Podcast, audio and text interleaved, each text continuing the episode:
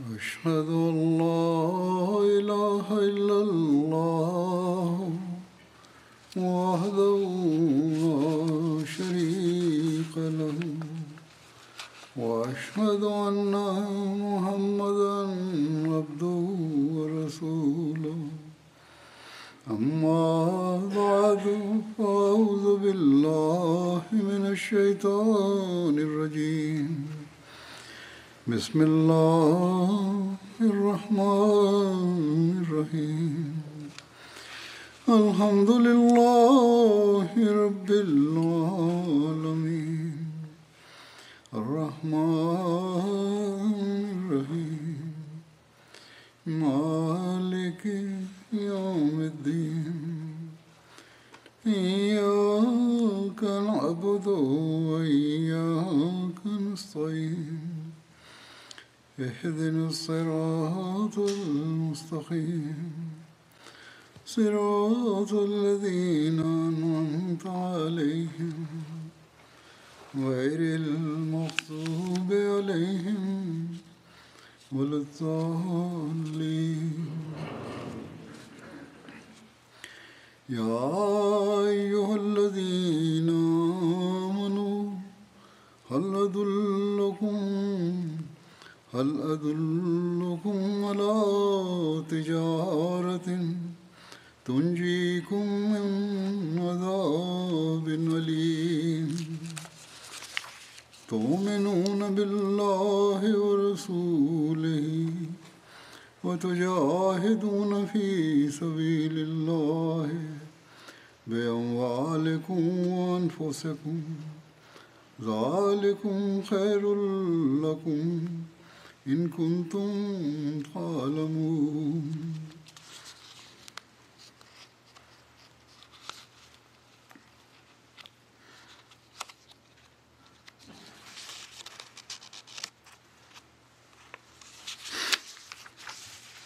يغفر لكم ذنوبكم ويدخلكم جنات يغفر لكم ذنوبكم ويدخلكم جنات تجري من تحتها الأنهار ومساكن طيبة في جنات عدن. ذلك الفوز العظيم. فكما أن عيسى عليه السلام علم الرحمة والعفو فأنا الآخر قد أرسلت مسيحا محمديا بتعليم الإسلام من الرحمة والعفو والصلح والوئام ولإنهاء الحروب الدينية. إن هذا العصر هو عصر نشر أحكام القرآن الكريم وإن زمن الجهاد بالسيف قد ولى الآن ولكن الجهاد بالقلم والدعوة لنشر تعليم الإسلام جار اليوم. ولاستمرار هذا الجهاد لا تزال هناك حاجة إلى بذل النفس والمال والوقت كما كانت هناك حاجة إلى التضحيات في بداية الإسلام.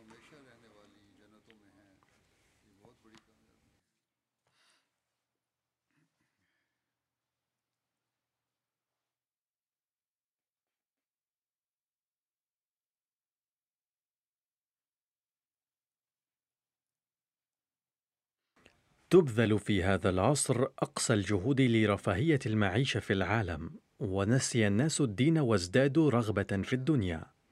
وركز أهل الدنيا إلى أقصى الحدود على إحراز الغلبة التجارية والمرافق المادية.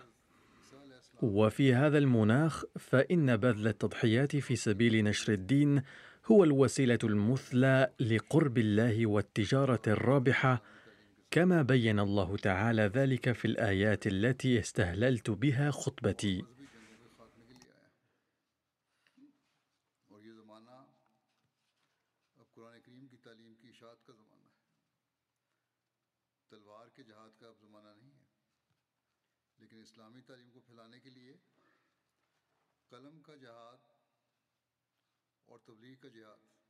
ففي هذا الزمن الذي هو زمن المسيح الموعود إن الجهاد بالمال خاصة لهو من أهم الأعمال كما أن فيه حثا على التضحية بالنفس وفرصة للفوز برضا الله وقربه.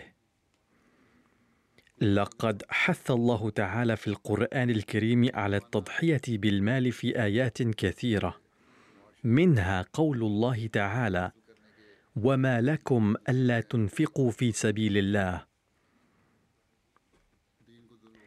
حيث يخبر الله تعالى أن كل شيء إنما يأتي من عند الله تعالى وهو الذي يعطيكم ثم يأمركم بالإنفاق في سبيله لكي يؤتيكم الثواب والأجر. فإذا كان عندكم الإيمان واليقين بالله تعالى فمن مقتضى ذلك أن تضحوا في سبيل الله تعالى. ثم في آية أخرى حذر الله تعالى فقال أنفقوا في سبيل الله ولا تلقوا بأيديكم إلى التهلكة. فالذين لا ينفقون في سبيل الله من المال الذي آتاهم الله فإنهم يلقون أنفسهم في الهلاك والدمار.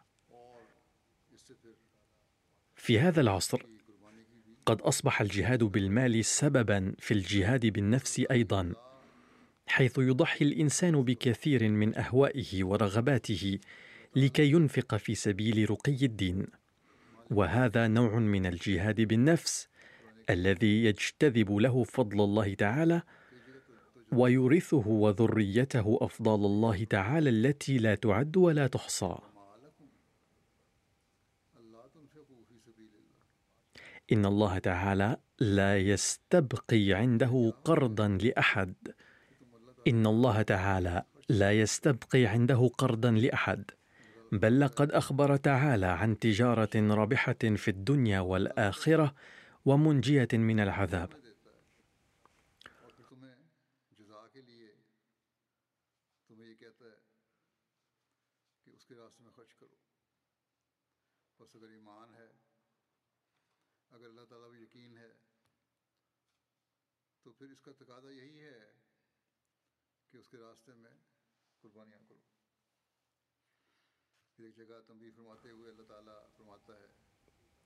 إن التجارات الدنيوية إنما هي للمنافع الدنيوية فقط ولكن التجارة مع الله تجعل صاحبها مستحقا للإنعامات الإلهية في الدنيا والآخرة.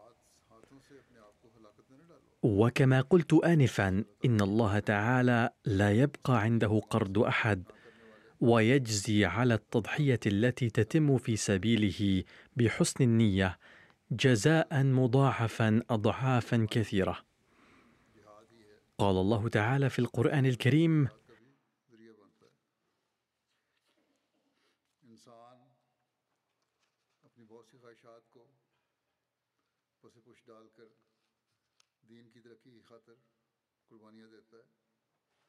نفس کا جہاد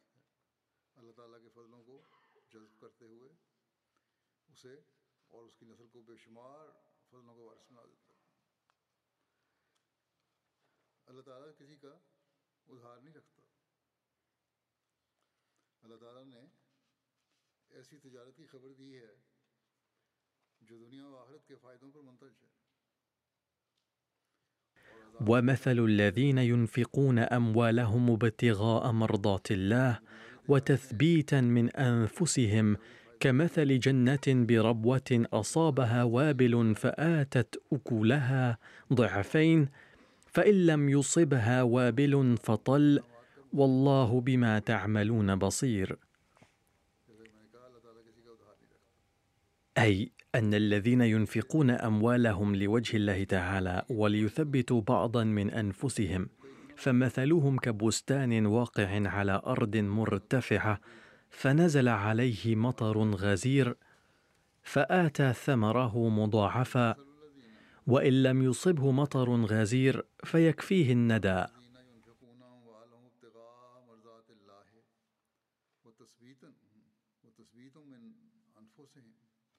واليوم إنما الأحمديون هم الذين يدركون بفضل الله أهمية التضحية المالية في سبيل الدين. إن منهم من يقدمون مبالغ مالية قليلة وبسيطة أيضا تماثل الندى. فيثمرها الله تعالى ثمرات كثيرة جدا وإن رقي الجماعة في شتى المجالات شاهد على ذلك. فإن منهم اناسا فقراء يقدمون تضحيات بسيطة جدا لكن الله يثمرها ثمرات بلا حدود. ومن الملاحظ أن الأحمديين الفقراء الذين يمتلكون موارد ضئيلة جدا عادة ما يقومون عموما بالتضحية المالية أكثر. وهناك أمثلة كثيرة على ذلك. وأنا أذكرها من حين لآخر وسوف أذكرها اليوم أيضا.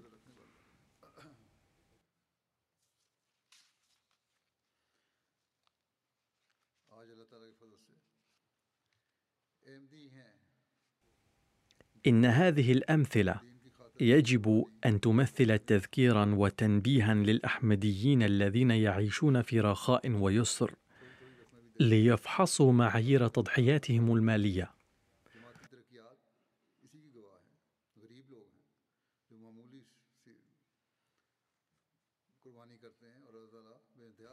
إن الأحمدي الفقير عندما يقوم بالتضحية المالية فإنه يقوم بجهاد النفس يوجد في أفريقيا وفي باكستان والهند أيضا كثير من أمثال هؤلاء الأحمديين الذين يقومون بالتضحية المالية على حساب خبزهم ويبيتون جائعين.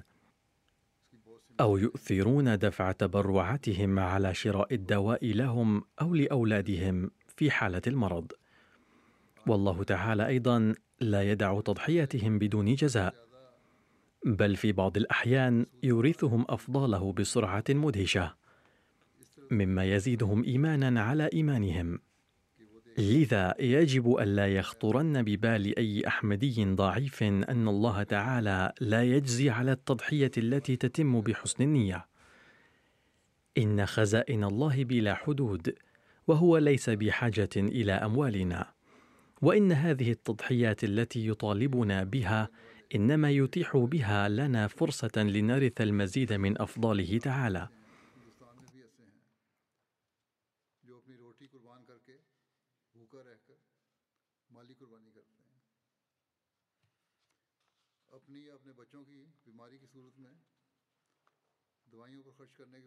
لقد نفخ سيدنا المسيح الموعود عليه السلام في الجماعة روح التضحية بحيث إننا لا زلنا نرى منذ زمنه حتى اليوم كيف يقوم أبناء جماعته بالتضحيات المالية مؤثرين حاجات الجماعة على حاجاتهم. وهذه هي سبيل الأمم التي يكتب لها الازدهار وبسببه ينزل الله الأفضال. إن هؤلاء المؤمنين يدركون أهمية قول رسول الله صلى الله عليه وسلم اتقوا النار وبشق تمرة أي ولو بنصف تمرة. كما قال الرسول صلى الله عليه وسلم أيضا إياكم والشح فإنه أهلك من كان قبلكم من الأمم.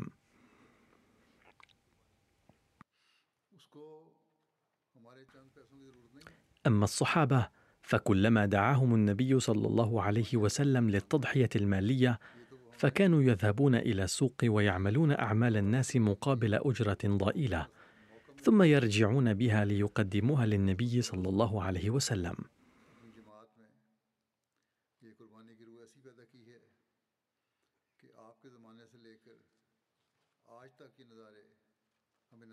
وقد وهب الله تعالى مثل هؤلاء المخلصين لخادمه صلى الله عليه وسلم الصادق البار. وهناك أمثلة على ذلك لا تعد ولا تحصى. ونجد في تاريخنا ذكر إخواننا المخلصين هؤلاء الذين قدموا تضحيات مدهشة وقد ذكرهم المسيح الموعود عليه السلام بأسمائهم حيث قال إنني أتعجب من حب جماعتي وإخلاصها. فإن كثيرين منهم قليل الدخل جدا كأمثال ميا جمال الدين وخير الدين وإمام الدين الكشميري الذين يسكنون قريبا من قريتي فهؤلاء الإخوة الثلاثة فقراء ويعملون كل يوم اعمالا بسيطة على أجرة ربما لا تكون ربع روبية بل أقل منها. ومع ذلك يساهمون في التبرع الشهري بحماس ونشاط. كما أتعجب أيضا من إخلاص صديقهم ميا عبد العزيز جاب الضرائب الزراعية أيضا. فهم رغم دخله الزهيد قدم لي ذات يوم مئة روبية قائلا أود أن تنفق هذه في سبيل الله تعالى ولعل هذا المسكين قد تمكن من توفير هذه المئة روبية خلال سنوات عديدة. لكن الحماس الرباني هيج فيه الشوق للفوز برضوان الله تعالى. فأسماء هؤلاء المخلصين المضحين محفوظة في تاريخ جماعتنا. فكان هؤلاء يتمتعون بحماس شديد لنيل رضوان الله تعالى وسواء قدموا تضحيات بسيطة أو كبيرة إلا أن أسماءهم صارت محفوظة في التاريخ كأنصار نصروا المسيح الموعود عليه السلام لتحقيق مهمته. وأود ذكر مخلص آخر من هؤلاء وكان معاقا فقيرا واسمه الحافظ معين الدين. كان عنده حماس شديد لخدمة الجماعة والتضحية لها مع أنه كان يعيش في ضيق شديد وكان لا يستطيع أن يعمل عملا بسبب إعاقته. كان الإخوة يهدون له بعض المال باعتباره خادما قديما لسيدنا المسيح الموعود عليه السلام ولكنه أي الحافظ المحترم كان لا ينفق هذا المال الذي كان يأتيه على شاكلة الهدايا على نفسه. بل كان يقدمه إلى المسيح الموعود عليه السلام خدمة للدين. ولم يكن حضرة المسيح الموعود عليه السلام يحث على الإنفاق في سبيل الدين إلا وكان الحافظ يساهم فيه ولو ببيسة واحدة. والبيسة الواحدة قد تساوي قرشا واحدا في هذا الزمن. ومع ذلك كان يساهم بها في الإنفاق في سبيل الله تعالى وكانت هذه تضحية كبيرة وغير عادية منه نظرا إلى حالته المادية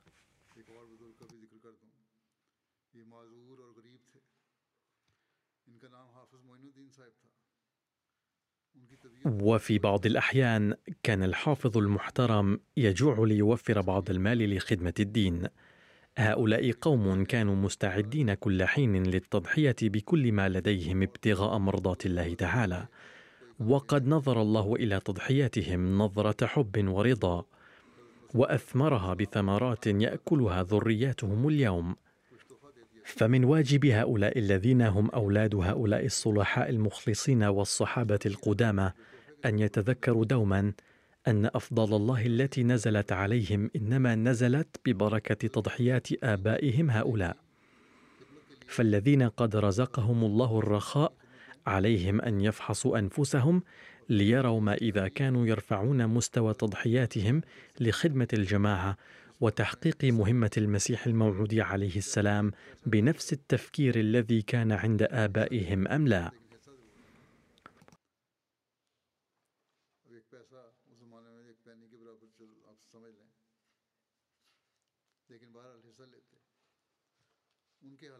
إن أكثرية الجماعة الأحمدية فقراء اليوم أيضا ومع ذلك فإنهم يتبوؤون أعلى مستوى في التضحيات. فمن واجب أبناء الجماعة الذين كسبهم عالي المستوى أن يفحصوا أنفسهم. إن الله ورسوله يقدر التضحية التي تتم عن إخلاص وصدق. فقد قال النبي صلى الله عليه وسلم في مناسبة اليوم سبق درهم مئة ألف درهم.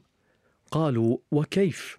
قال صلى الله عليه وسلم كان لرجل درهمان تصدق بأحدهما وكان عند رجل آخر مال وعقار كثير فأخذ منه مئة ألف درهم فتصدق بها. في الظاهر كان مئة ألف درهم مبلغا كبيرا ولكن المئة ألف درهم هذه لم تكن ذات أهمية عند الله تعالى إزاء ما كان يملكه ذلك الفقير من عاطفة وحماس للتضحية في سبيل الله تعالى. فمعيار التضحية عند الله تعالى إنما هو العاطفة والنسبة المالية التي ينفق بها وليست الكمية.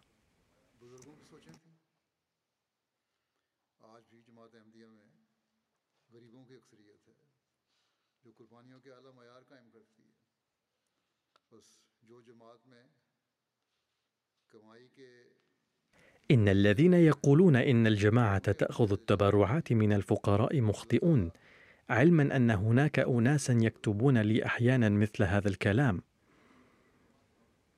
الواقع أنهم يخفون في أنفسهم بعض ما يخفون. لهم أولويات ورغبات يريدون تحقيقها بالحديث عن الآخرين ولكن الأكثرية في الجماعة اليوم تقوم بالتضحيات بفضل الله تعالى. إنهم ينظرون إلى تضحيات صحابة الرسول صلى الله عليه وسلم فيريدون أن يقدموا التضحيات ويقدمونها بدون أن يدعوا إليها.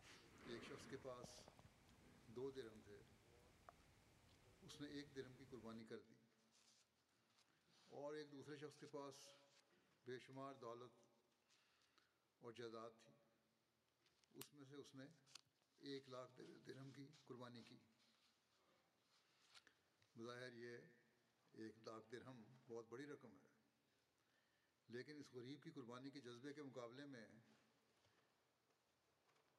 اس ایک لاکھ درہم کی اللہ تعالیٰ کے نزدیک کوئی اہمیت نہیں تھی بس اللہ تعالیٰ کے نزدیک قربانی کا معیار وكما هو مذكور في التقارير التي أذكرها من حين لآخر فيوجد اليوم أيضا أمثال المخلصين الذين يقومون بتضحيات مالية محيرة ومدهشة اقتداء بالمخلصين الذين ضحوا في زمن المسيح الموعود عليه السلام. فالمؤمنون المخلصون القاطنون في بلدان بعيدة بأفريقيا الذين يريدون أن يكونوا أنصار المسيح الموعود عليه السلام وأعوانه لنشر الإسلام وغلبة الدين في العالم. هؤلاء هم الذين يقدمون التضحيات واضعين قول المسيح الموعود هذا أمامهم الذي قال فيه لا يمكنكم أن تحبوا المال وتحبوا الله أيضا بل تستطيعون أن تحبوا أحدهما فقط. فسعيد من يحب الله. وإذا أحب أحدكم الله تعالى وبذل المال في سبيله فإنني متأكد أنه سيبارك في ماله أكثر من غيره لأن المال لا يأتي تلقائيا بل يأتي بمشيئة الله. فالذي يتخلى عن جزء من ماله لوجه الله سيناله حتما. وهذا هو قول المسيح الموعود عليه السلام وحتى اليوم نرى هذه المشاهد أنه كيف أنفق الناس أموالهم في سبيل الله وكيف ردها الله إليهم على الفور.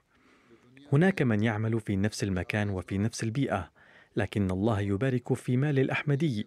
وأما الآخرون فلا ينالون تلك البركة وهذه الأمور تؤدي إلى زيادتهم إيمانا. وكما قلت اسمحوا لي أن أعرض بعض الأمثلة لأشخاص مخلصين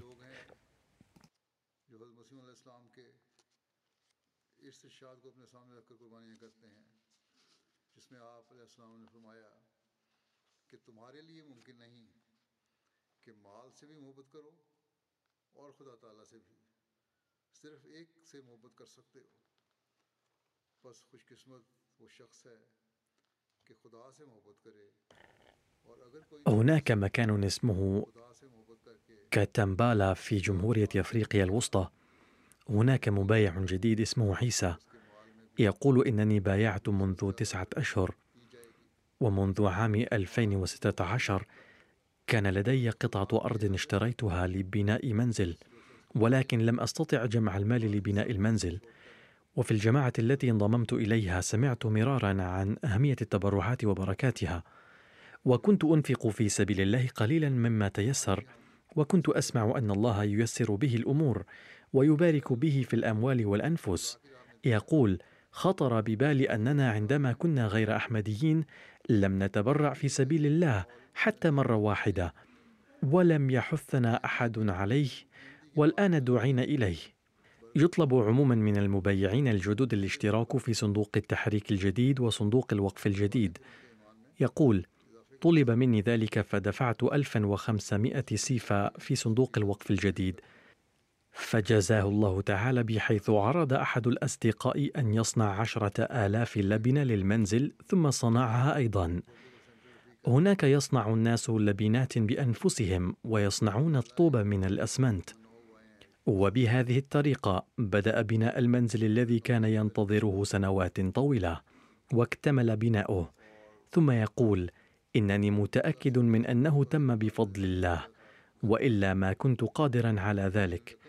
بل كان مستحيلا بالنسبة لي.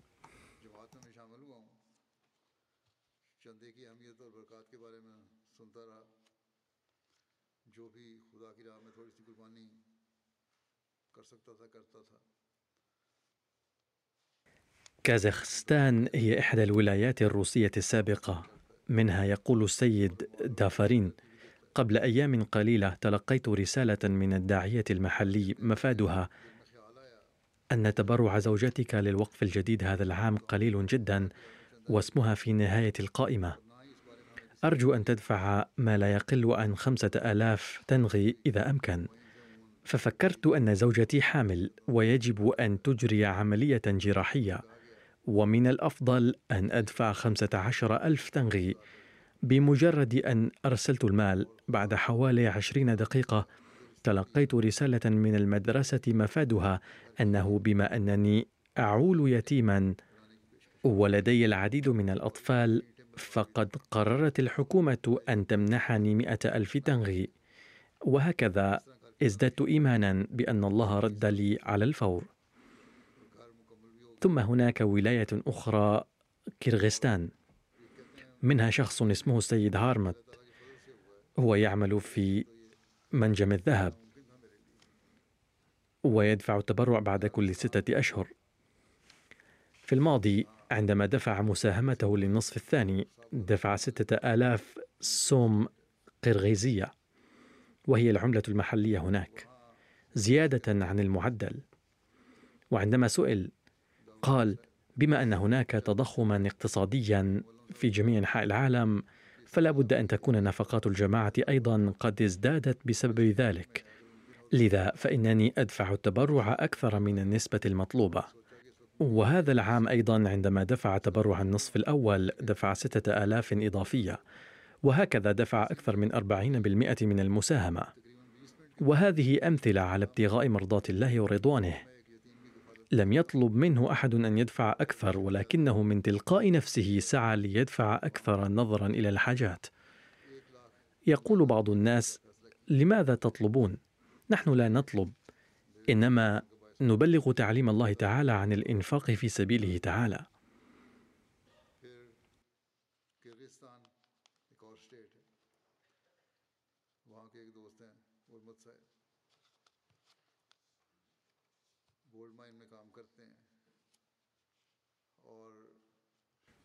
والفلبين بلد آخر بعيد.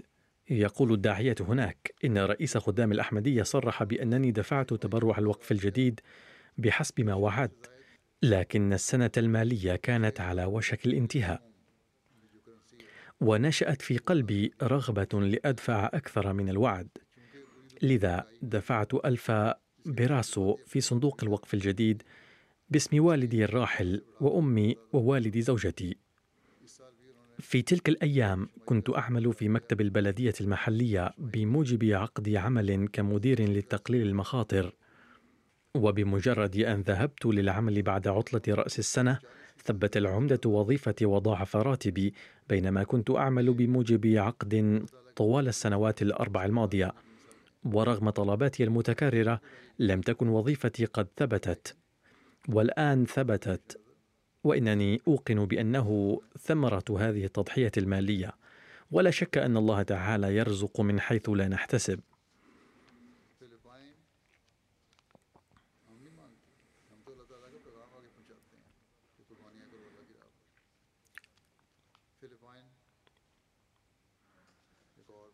الكاميرون دولة في أفريقيا يقول الداعية فيها بأن هناك شابا يدعى يوسف.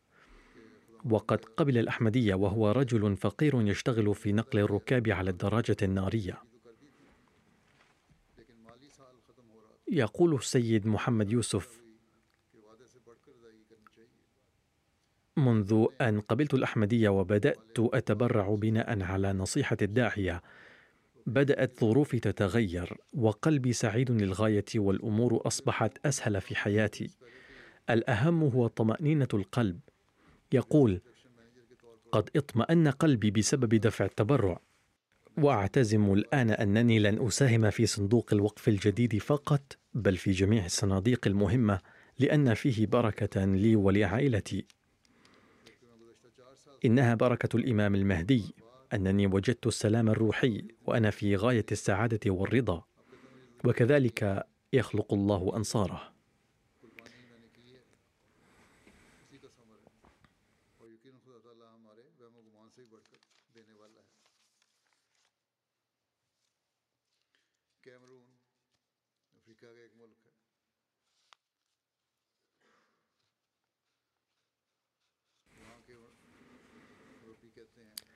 تنزانيا دولة في شرق أفريقيا وفيها من منطقة روماما شاب اسمه السيد ملاوي. يقول عمري سبع وعشرون سنة. لقد رأيت الكثير من بركات التبرع. إنني أعمل بالزراعة وهذا العام بهدف دفع تبرع الوقف الجديد. أسرعت في إيداع محصولي إلى المؤسسة المعنية وأرسلت المحصول المحصود إلى الحكومة. يقولون لو انتظرت بضعة أيام أخرى لربما كان سعر محصولي أعلى. لكن ما كنت لأتمكن من دفع التبرع وكان الوقت سيفوت. لكن عندما تواصلت مع المؤسسة حصلت على سعر أعلى من سعر المحصول الذي كان يحصل عليه المزارعون هذه الأيام والذي دفعت به التبرع. وقالت المؤسسة إن الناس يحجبون محاصيلهم للحصول على أسعار أعلى ولكنك لم تفعل ذلك. فهذه مكافأة صدقك. يقول أرى أن الله أعطاني ثمرة نيتي لكي أتمكن من دفع التبرع بسهولة.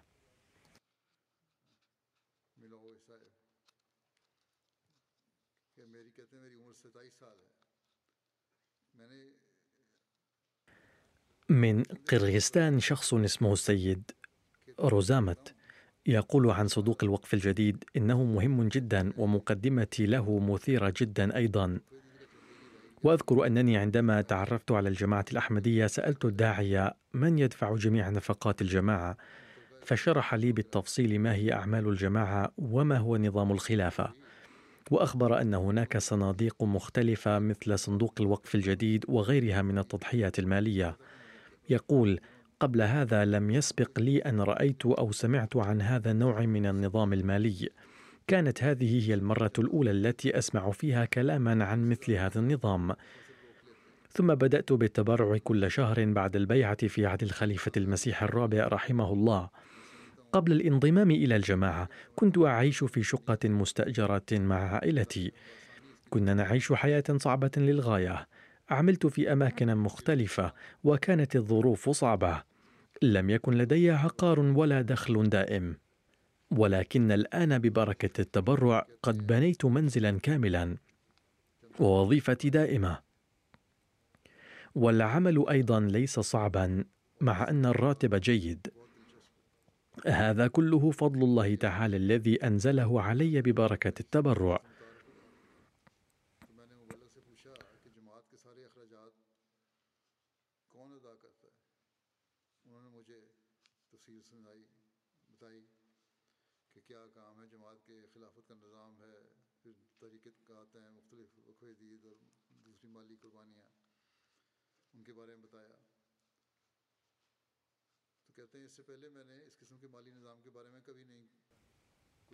توغو دولة في غرب أفريقيا.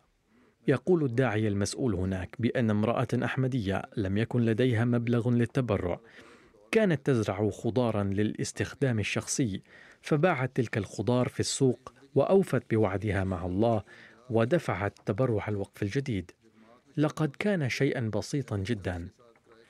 وهذا مثل أمثلة الصحابة الذين كانوا يذهبون إلى السوق ويعملون من أجل التبرع أو مثل السيد حافظ الذي كان يتبرع بما يصله من هدية.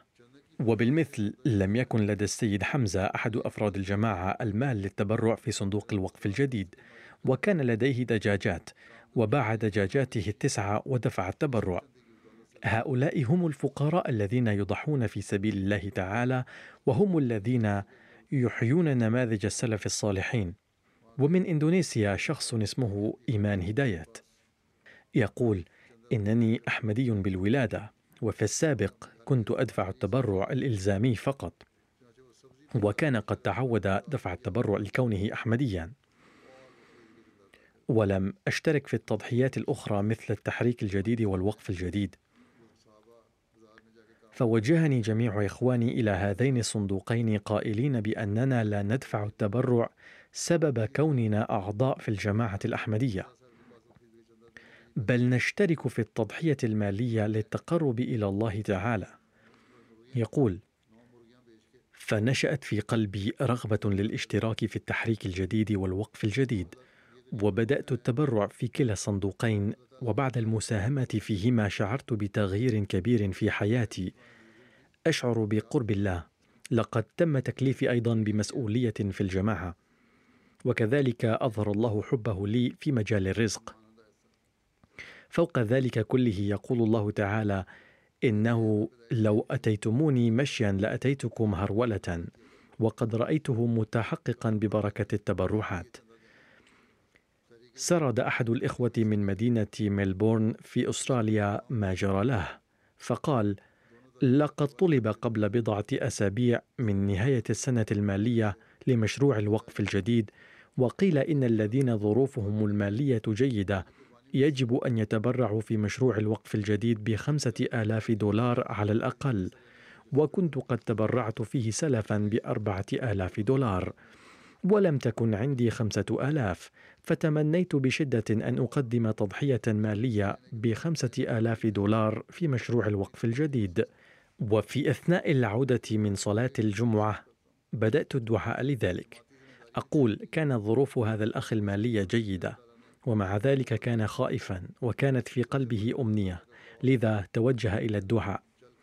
يقول الراوي أنا أقوم بالتجارة وذات يوم خرجت من المكتب لبعض الوقت بعد الراحة القصيرة.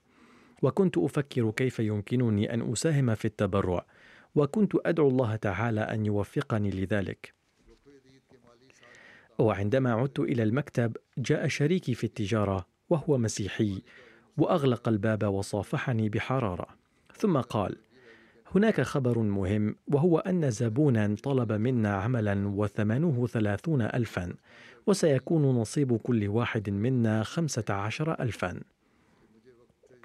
ففهمت فورا أن الله تعالى قد أجاب دعائي وأضاف وقال إن مبلغ خمسة آلاف دولار مبلغ كبير بالنسبة إلى جمعية خيرية. ويبدو أنني أيضا ربحت هذا الربح بسبب دعائك لذا سأساهم أنا أيضا في التبرع وسأدفع النصف مما ستدفعه أنت. فقلت له هناك مشاريع خيرية أخرى أيضا تستطيع أن تساهم فيها غير أنني سأدفع خمسة آلاف في مشروع الوقف الجديد بنفسي. على أي حال قد من الله علي على هذا النحو بقبول دعائي وأمنيتي.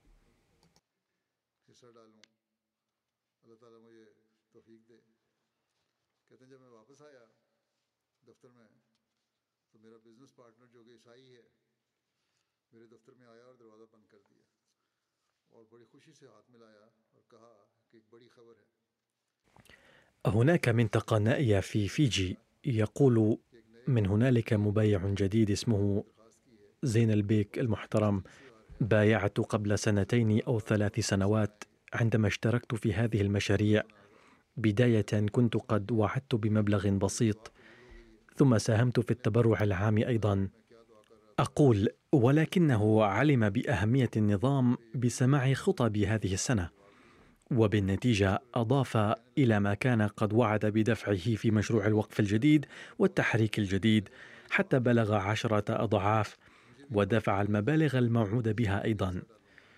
وقال عن التبرع العام إنه وعد بدفع 1.16 من دخله الأسبوعي بحسب هذه النسبة المحددة كل أسبوع بالتزام. يقول هذا المبايع الجديد إنه ظل ينال الترقية في الوظيفة منذ أن أضاف إلى مبلغ التبرع. سيزداد راتبي أيضا من يناير عام 2024 بإذن الله. ثم قال: إذا كان أحد يريد أن يطلع على بركة التبرع فليسألني.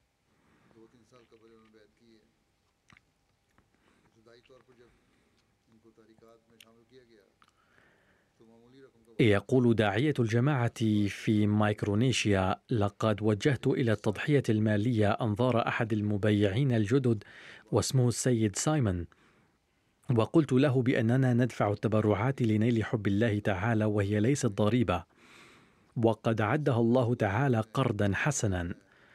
فالتزم المبايع المذكور بدفع التبرع كل أسبوع وقال عندما كنت أذهب إلى الكنيسة قبل فترة قليلة وأتبرع بالنقود لم يتغير في حياتي شيء.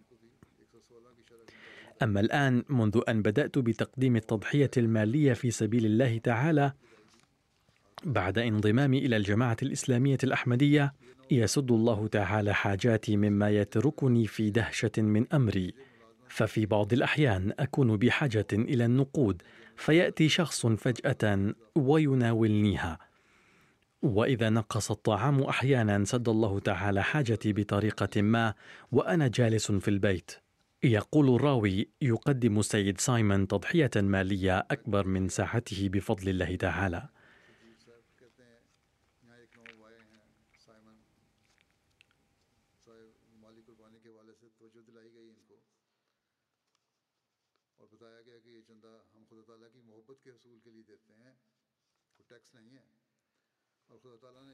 يقول أمير الجماعة في تنزانيا دفع السيد بشير مع عائلته في الوقف الجديد تبرعا قدره أربعون ألف شلن قالت له زوجته بأن ظروف البيت المالية ليست على ما يرام فلماذا تبرعت بمبلغ كبير كهذا؟ قال لا تقلقي إن الله تعالى لا يضيع المخلصين في سبيله أبدا وسيعيد إلينا المبلغ أكثر مما دفعنا ثم حدث أن حصل السيد بشير على عمل من ثلاث طرق مختلفة بحيث لم يعد إليه ما تبرع به بل زاد دخله فوق ذلك. فيقول فيقول كنت أدرك معاملة الله هذه من قبل أيضا ولكن شاهدت زوجتي أيضا بركات التبرعات بأم عينيها وزادت إيمانا. يقول السكرتير الوطني للوقف الجديد في ألمانيا قدم طالب من جماعة ماينز طلبا إلى الدوائر الرسمية للمنحة. وقال لي إن الفصل الدراسي الثاني على وشك الابتداء ولكن المبلغ عنده قليل. ومن ناحية ثانية إن السنة المالية لمشروع الوقف الجديد موشك على الانتهاء وكان عليه أن يدفع ما وعد به هو وعائلته في هذا المشروع. على أي حال كان يتوقع أنه سينال بعض المبلغ من الدائرة الحكومية ولكن طلبه رفض. ومع ذلك دفع في التبرع متوكلا على الله مبلغا كان عنده. وبعد نهاية الفصل الدراسي وفقه الله للنجاح بعلامات جيدة. وأودع في حسابه البنكي مبلغ قدره أربع آلاف يورو بعد أن كان طلبه قد رفض سابقا. يقول الطالب إنني أؤمن أن هذا حدث بسبب التضحية المالية التي قدمتها.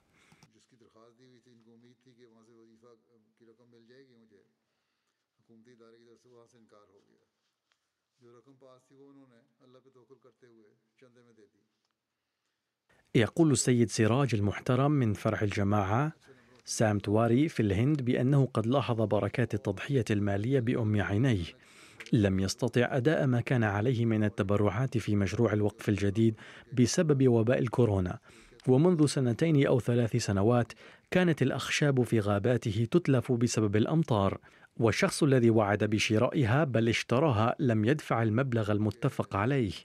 وظل السيد سراج يبحث عن زبائن آخرين ولكن لم يجد احدا.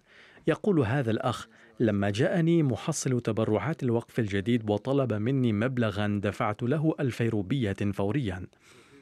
ثم حدث أن جاءني فجأة الشخص المذكور آنفا الذي كان يرفض دفع المبلغ المتفق عليه وأعطاني عشرين ألف روبية وأخذ الأخشاب كلها.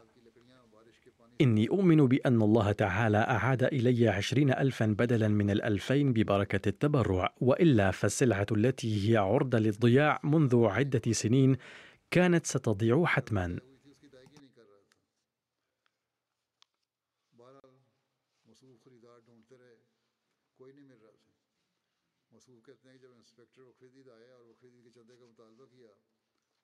موصوف نے دو ہزار روپے فوری نکال کے تقول عضوة في لجنة إيماء الله في كندا عندما أعلنتم بداية السنة الجديدة للوقف الجديد تمنيت أن أدفع كل ما يترتب علي وعلى أولادي بهذا الشأن.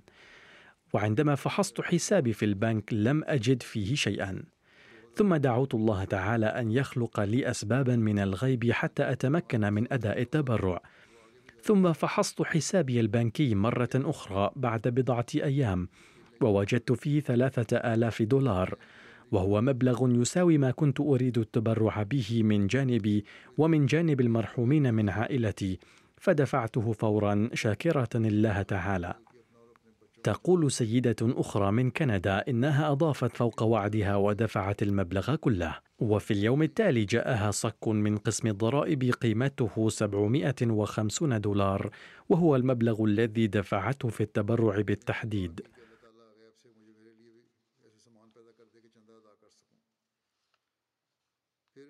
ثم هناك سيدة مبايعة جديدة اسمها السيدة فاطمة من تنزانيا تقول: لقد بايعت ودخلت الجماعة وشاهدت فيها نظاما فريدا يختلف عن النظام عند المسلمين الآخرين، بحيث يعطي المتبرع وصلا لكل ما تبرع به وهذا الأمر لا يوجد في أي جماعة أخرى. في شهر نوفمبر خطب داعية الجماعة يوم الجمعة حول مشروع الوقف الجديد ووجه الأنظار إلى التبرع فيه، فتبرعت كل ما كان عندي من النقود. ما كانت ظروف بيتي على ما يرام ومن ناحية ثانية كانت ابنتي حامل وكان من الممكن أن نضطر إلى نقلها إلى المستشفى. عندما وصلت إلى البيت جاءني هاتف بعد صلاة العشاء من شخص كان قد اقترض مني مبلغا قبل سنتين ثم انقطع عن التواصل معي. ولكنه اتصل بي الآن واعتذر بذكر أسباب انقطاعه ودفع لي مبلغا قدره ألفين. فتقول هذه السيدة إن الله تعالى أعانني نتيجة تقديمي التضحية المالية في سبيله نابذة حاجاتي الشخصية عرض الحائط. ثم نقلت ابنتها إلى المستشفى أيضا وتلقت هنالك علاجا مناسبا بفضل الله تعالى. إذا إن الله تعالى يخلق في قلوب المبايعين الجدد أيضا أفكار أن المال يأتي من الله تعالى، والحق أن هذه الأفكار موجودة في قلوب جميع الأحمديين.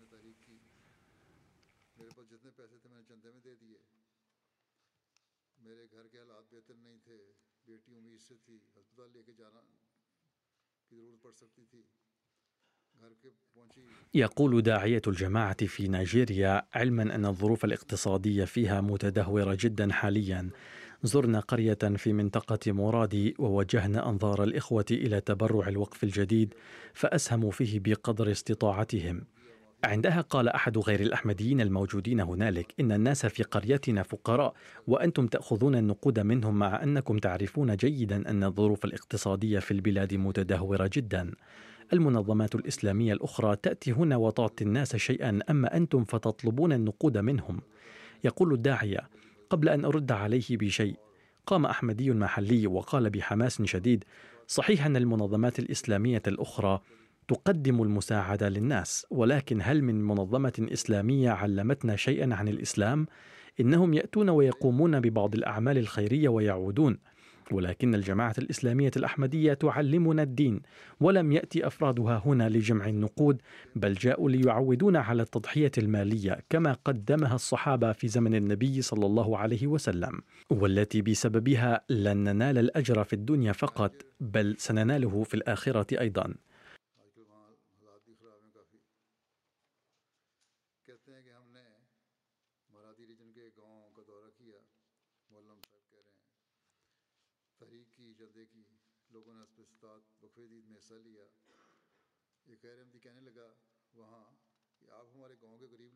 أقول لقد خلق الله في قلوب الناس بعد قبولهم الأحمدية معرفة أن التضحية ضرورية لنيل رضا الله تعالى وبسببها تنزل أفضل الله الكثيرة. فلازم غير الأحمديين الصمت بعد سماعهم هذا الجواب. فما أروع المخلصين الذين وهبهم الله للمسيح الموعود عليه السلام في كل بقاع العالم؟ كان يصعب علي القرار ماذا أختار وماذا أترك. إذا كانت الأحداث من هذا القبيل كثيرة جدا فتركت بعضها لقلة الوقت لكن التي تركتها لم يكن أصحابها أيضا أقل اخلاصا ووفاء فقد قدم هؤلاء هذه التضحيات طمعا في رضوان الله تعالى والله لا يبقي عنده دينا بل يتقبلها ويجعلها وسيلة لزيادة إيمانهم. يقول سيدنا المسيح الموعود عليه السلام فيا أصدقائي الأعزاء إنني أؤكد لكم أن الله تعالى وهبني حماسا صادقا لمواساتكم. وقد أعطيت معرفة صادقة لزيادة إيمانكم ومعرفتكم. إنكم وذرياتكم بأمس الحاجة إلى تلك المعرفة. وإنني على أتم استعداد لإنجاز هذه المهمة.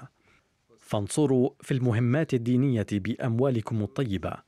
فكل من أعطاه الله السعة ووهب له القدرة يجب ألا يدخر جهدا في هذا السبيل وألا يؤثر أمواله على الله والرسول.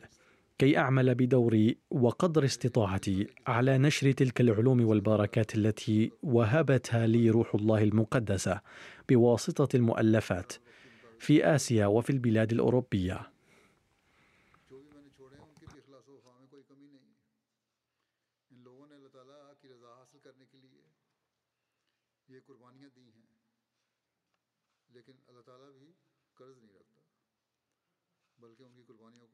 إن مهمة نشر الإسلام التي كانت مقدرة للمسيح الموعود عليه السلام بواسطة هذه التضحيات بالمال هي تتحقق.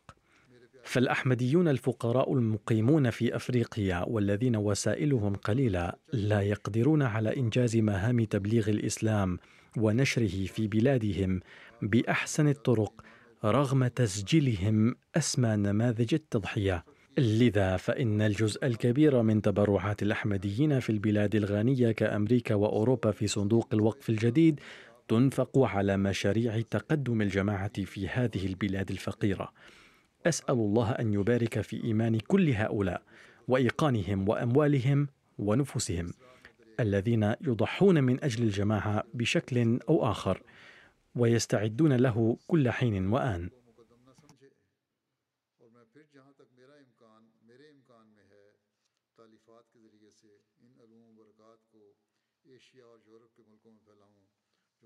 الآن أقدم لكم كالمعتاد تفاصيل تضحية الأحمديين في بلاد العالم إلى جانب إعلان السنة الجديدة لصندوق الوقف الجديد. فقد انتهت بفضل الله السنة السادسة والستون للوقف الجديد وبدأت السنة السابعة والستون. إن الجماعة الإسلامية الأحمدية العالمية قد قدمت بفضل الله التضحية بما يقارب 13 مليون جنيه استرليني وهي أكثر وثمانية عشر ألف جنيه من السنة الماضية.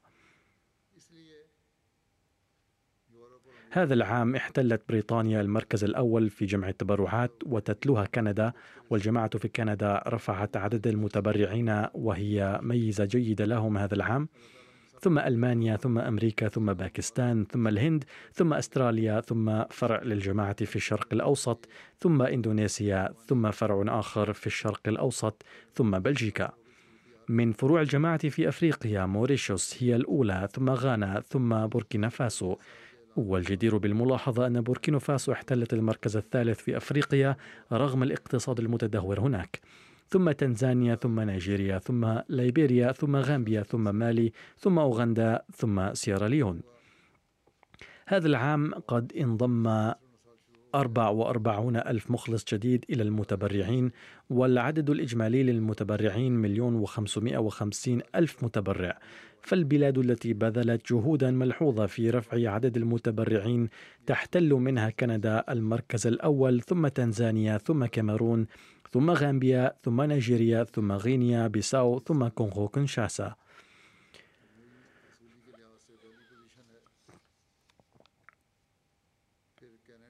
من الفروع العشرة الكبيرة في بريطانيا من حيث جمع التبرعات تحتل فارنهام المركز الأول ثم وستر بارك ثم وولزول ثم أولدرشوت الجنوبي ثم إسلام آباد ثم جيلينغهام ثم آش ثم شيم الجنوبي ثم إيول ثم هونزلو الجنوبي.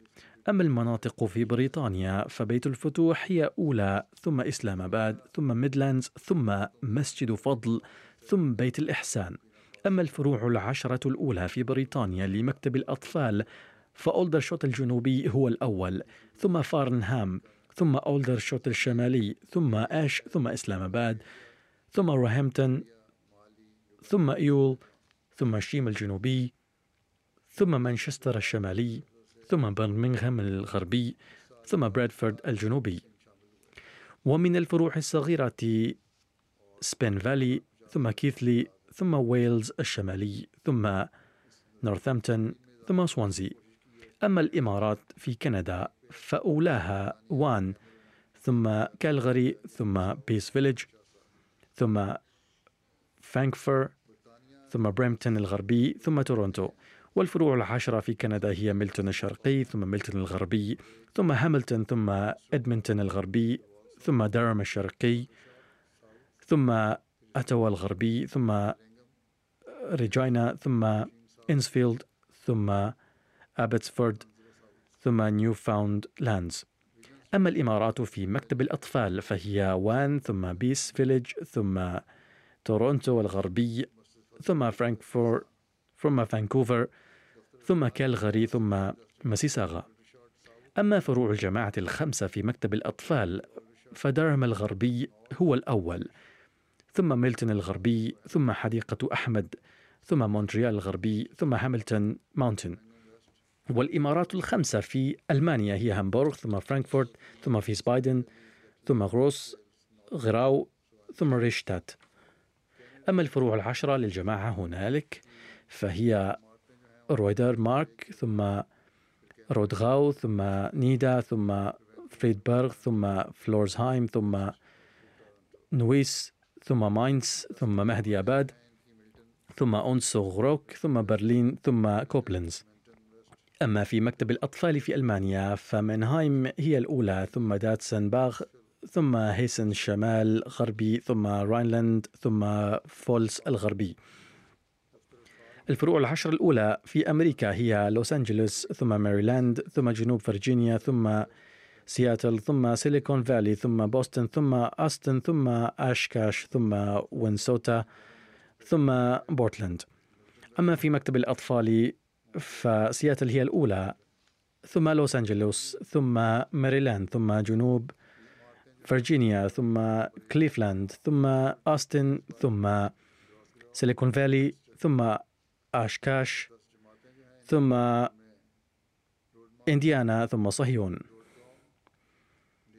أما مدن باكستان فلاهور هي الأولى ثم ربوة ثم كاراتشي. أما المحافظات فإسلام آباد هي الأولى ثم فيصل آباد ثم غوجرانوالا ثم غجرات ثم سرغودا ثم عمر كوت ثم ملتان ثم حيدر آباد ثم مير بورخاص ثم ديرا غازي خان. وفي مكتب الأطفال ثلاثة فروع الجماعة الكبيرة. في باكستان هي لاهور ثم ربوة ثم كراتشي. أما المحافظات من حيث مكتب الأطفال فإسلام آباد هي الأولى ثم فيصل آباد ثم ناروال ثم سرغودة ثم عمر كوت ثم غوجرانوالا ثم مير بورخاص وغجرات ثم حيدر آباد ثم شيخوبورا. رغم أن العملة في باكستان قد هبطت كثيرا ومع ذلك فالأحمديون هناك بفضل الله زادوا التبرعات كثيرا وقدموا تضحية جسيمة.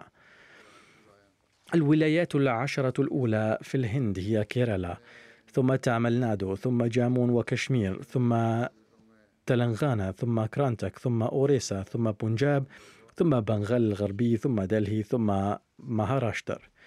أما الفروع العشرة للجماعة من حيث جمع تبرعات فحيدر أباد هي الأولى ثم كومباتور ثم قاديان ثم كاليكات ثم منجيري ثم بنغالور ثم مليا بليام ثم كالكوتا ثم كيرالا ثم كيرنغ.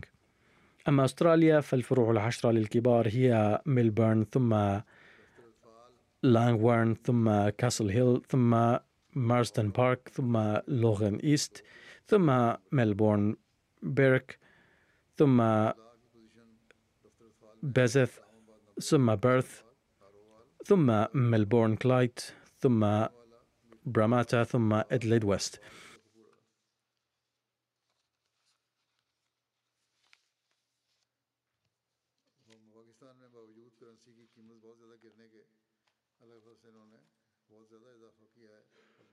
أسأل الله أن يبارك في أموال كل هؤلاء ونفوسهم بركات لا حصر لها. إنني دوما أطلب منكم الدعاء للفلسطينيين فلا تنسوهم، وارفعوا الصوت في حقهم بين أصدقائكم ومعارفكم، وتكلموا مع الناس حول هذا الموضوع، ولا سيما مع رجال السياسة كما قلت لكم من قبل. أما حكومة إسرائيل فلا تكاد تكف عن مظالمها بل قد أرسلت رسالة إلى جنودها أن سنة 2024 أيضا سنة حرب. رحمه الله تعالى الفلسطينيين ويقال أيضا إن هناك خطرا أن تنتشر الحرب في الإقليم ومن ثم يمكن أن تتوسع فتتحول عالميه لقد بدأوا القصف حول بيروت فهم يتمادون باستمرار. وصحيح أن حكومة أمريكا تقول لإسرائيل أن تقلص الهجمات لكن يبدو أنها مجرد كلمات لا طائل منها فأصواتهم خافتة. ويبدو أن مشروعهم الحقيقي هو إخلاء غزة من الفلسطينيين واحتلالها. رحم الله الفلسطينيين وسائر المسلمين ووهب لهم العقل والفهم حتى يفكروا في الاستماع إلى نداء إمام الزمان ويقبلوه. آمين.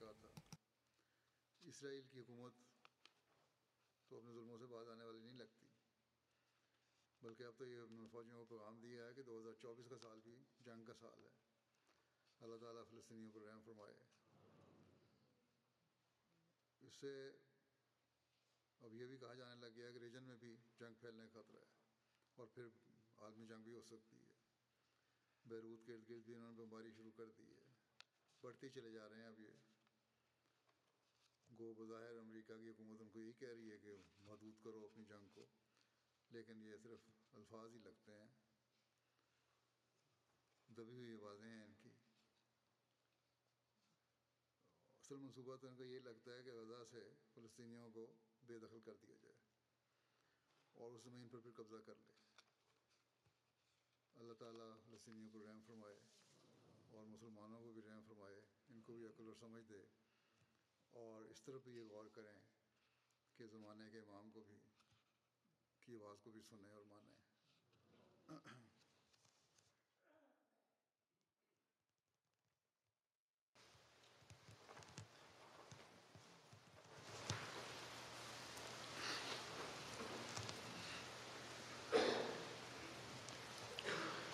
الحمد لله الحمد لله نحمده ونستعينه ونستغفره ونؤمن به ونتوكل عليه ونعوذ بالله من شرور أنفسنا ومن سيئات أعمالنا من يهده الله فلا مضل له ومن يضلل فلا هادي له.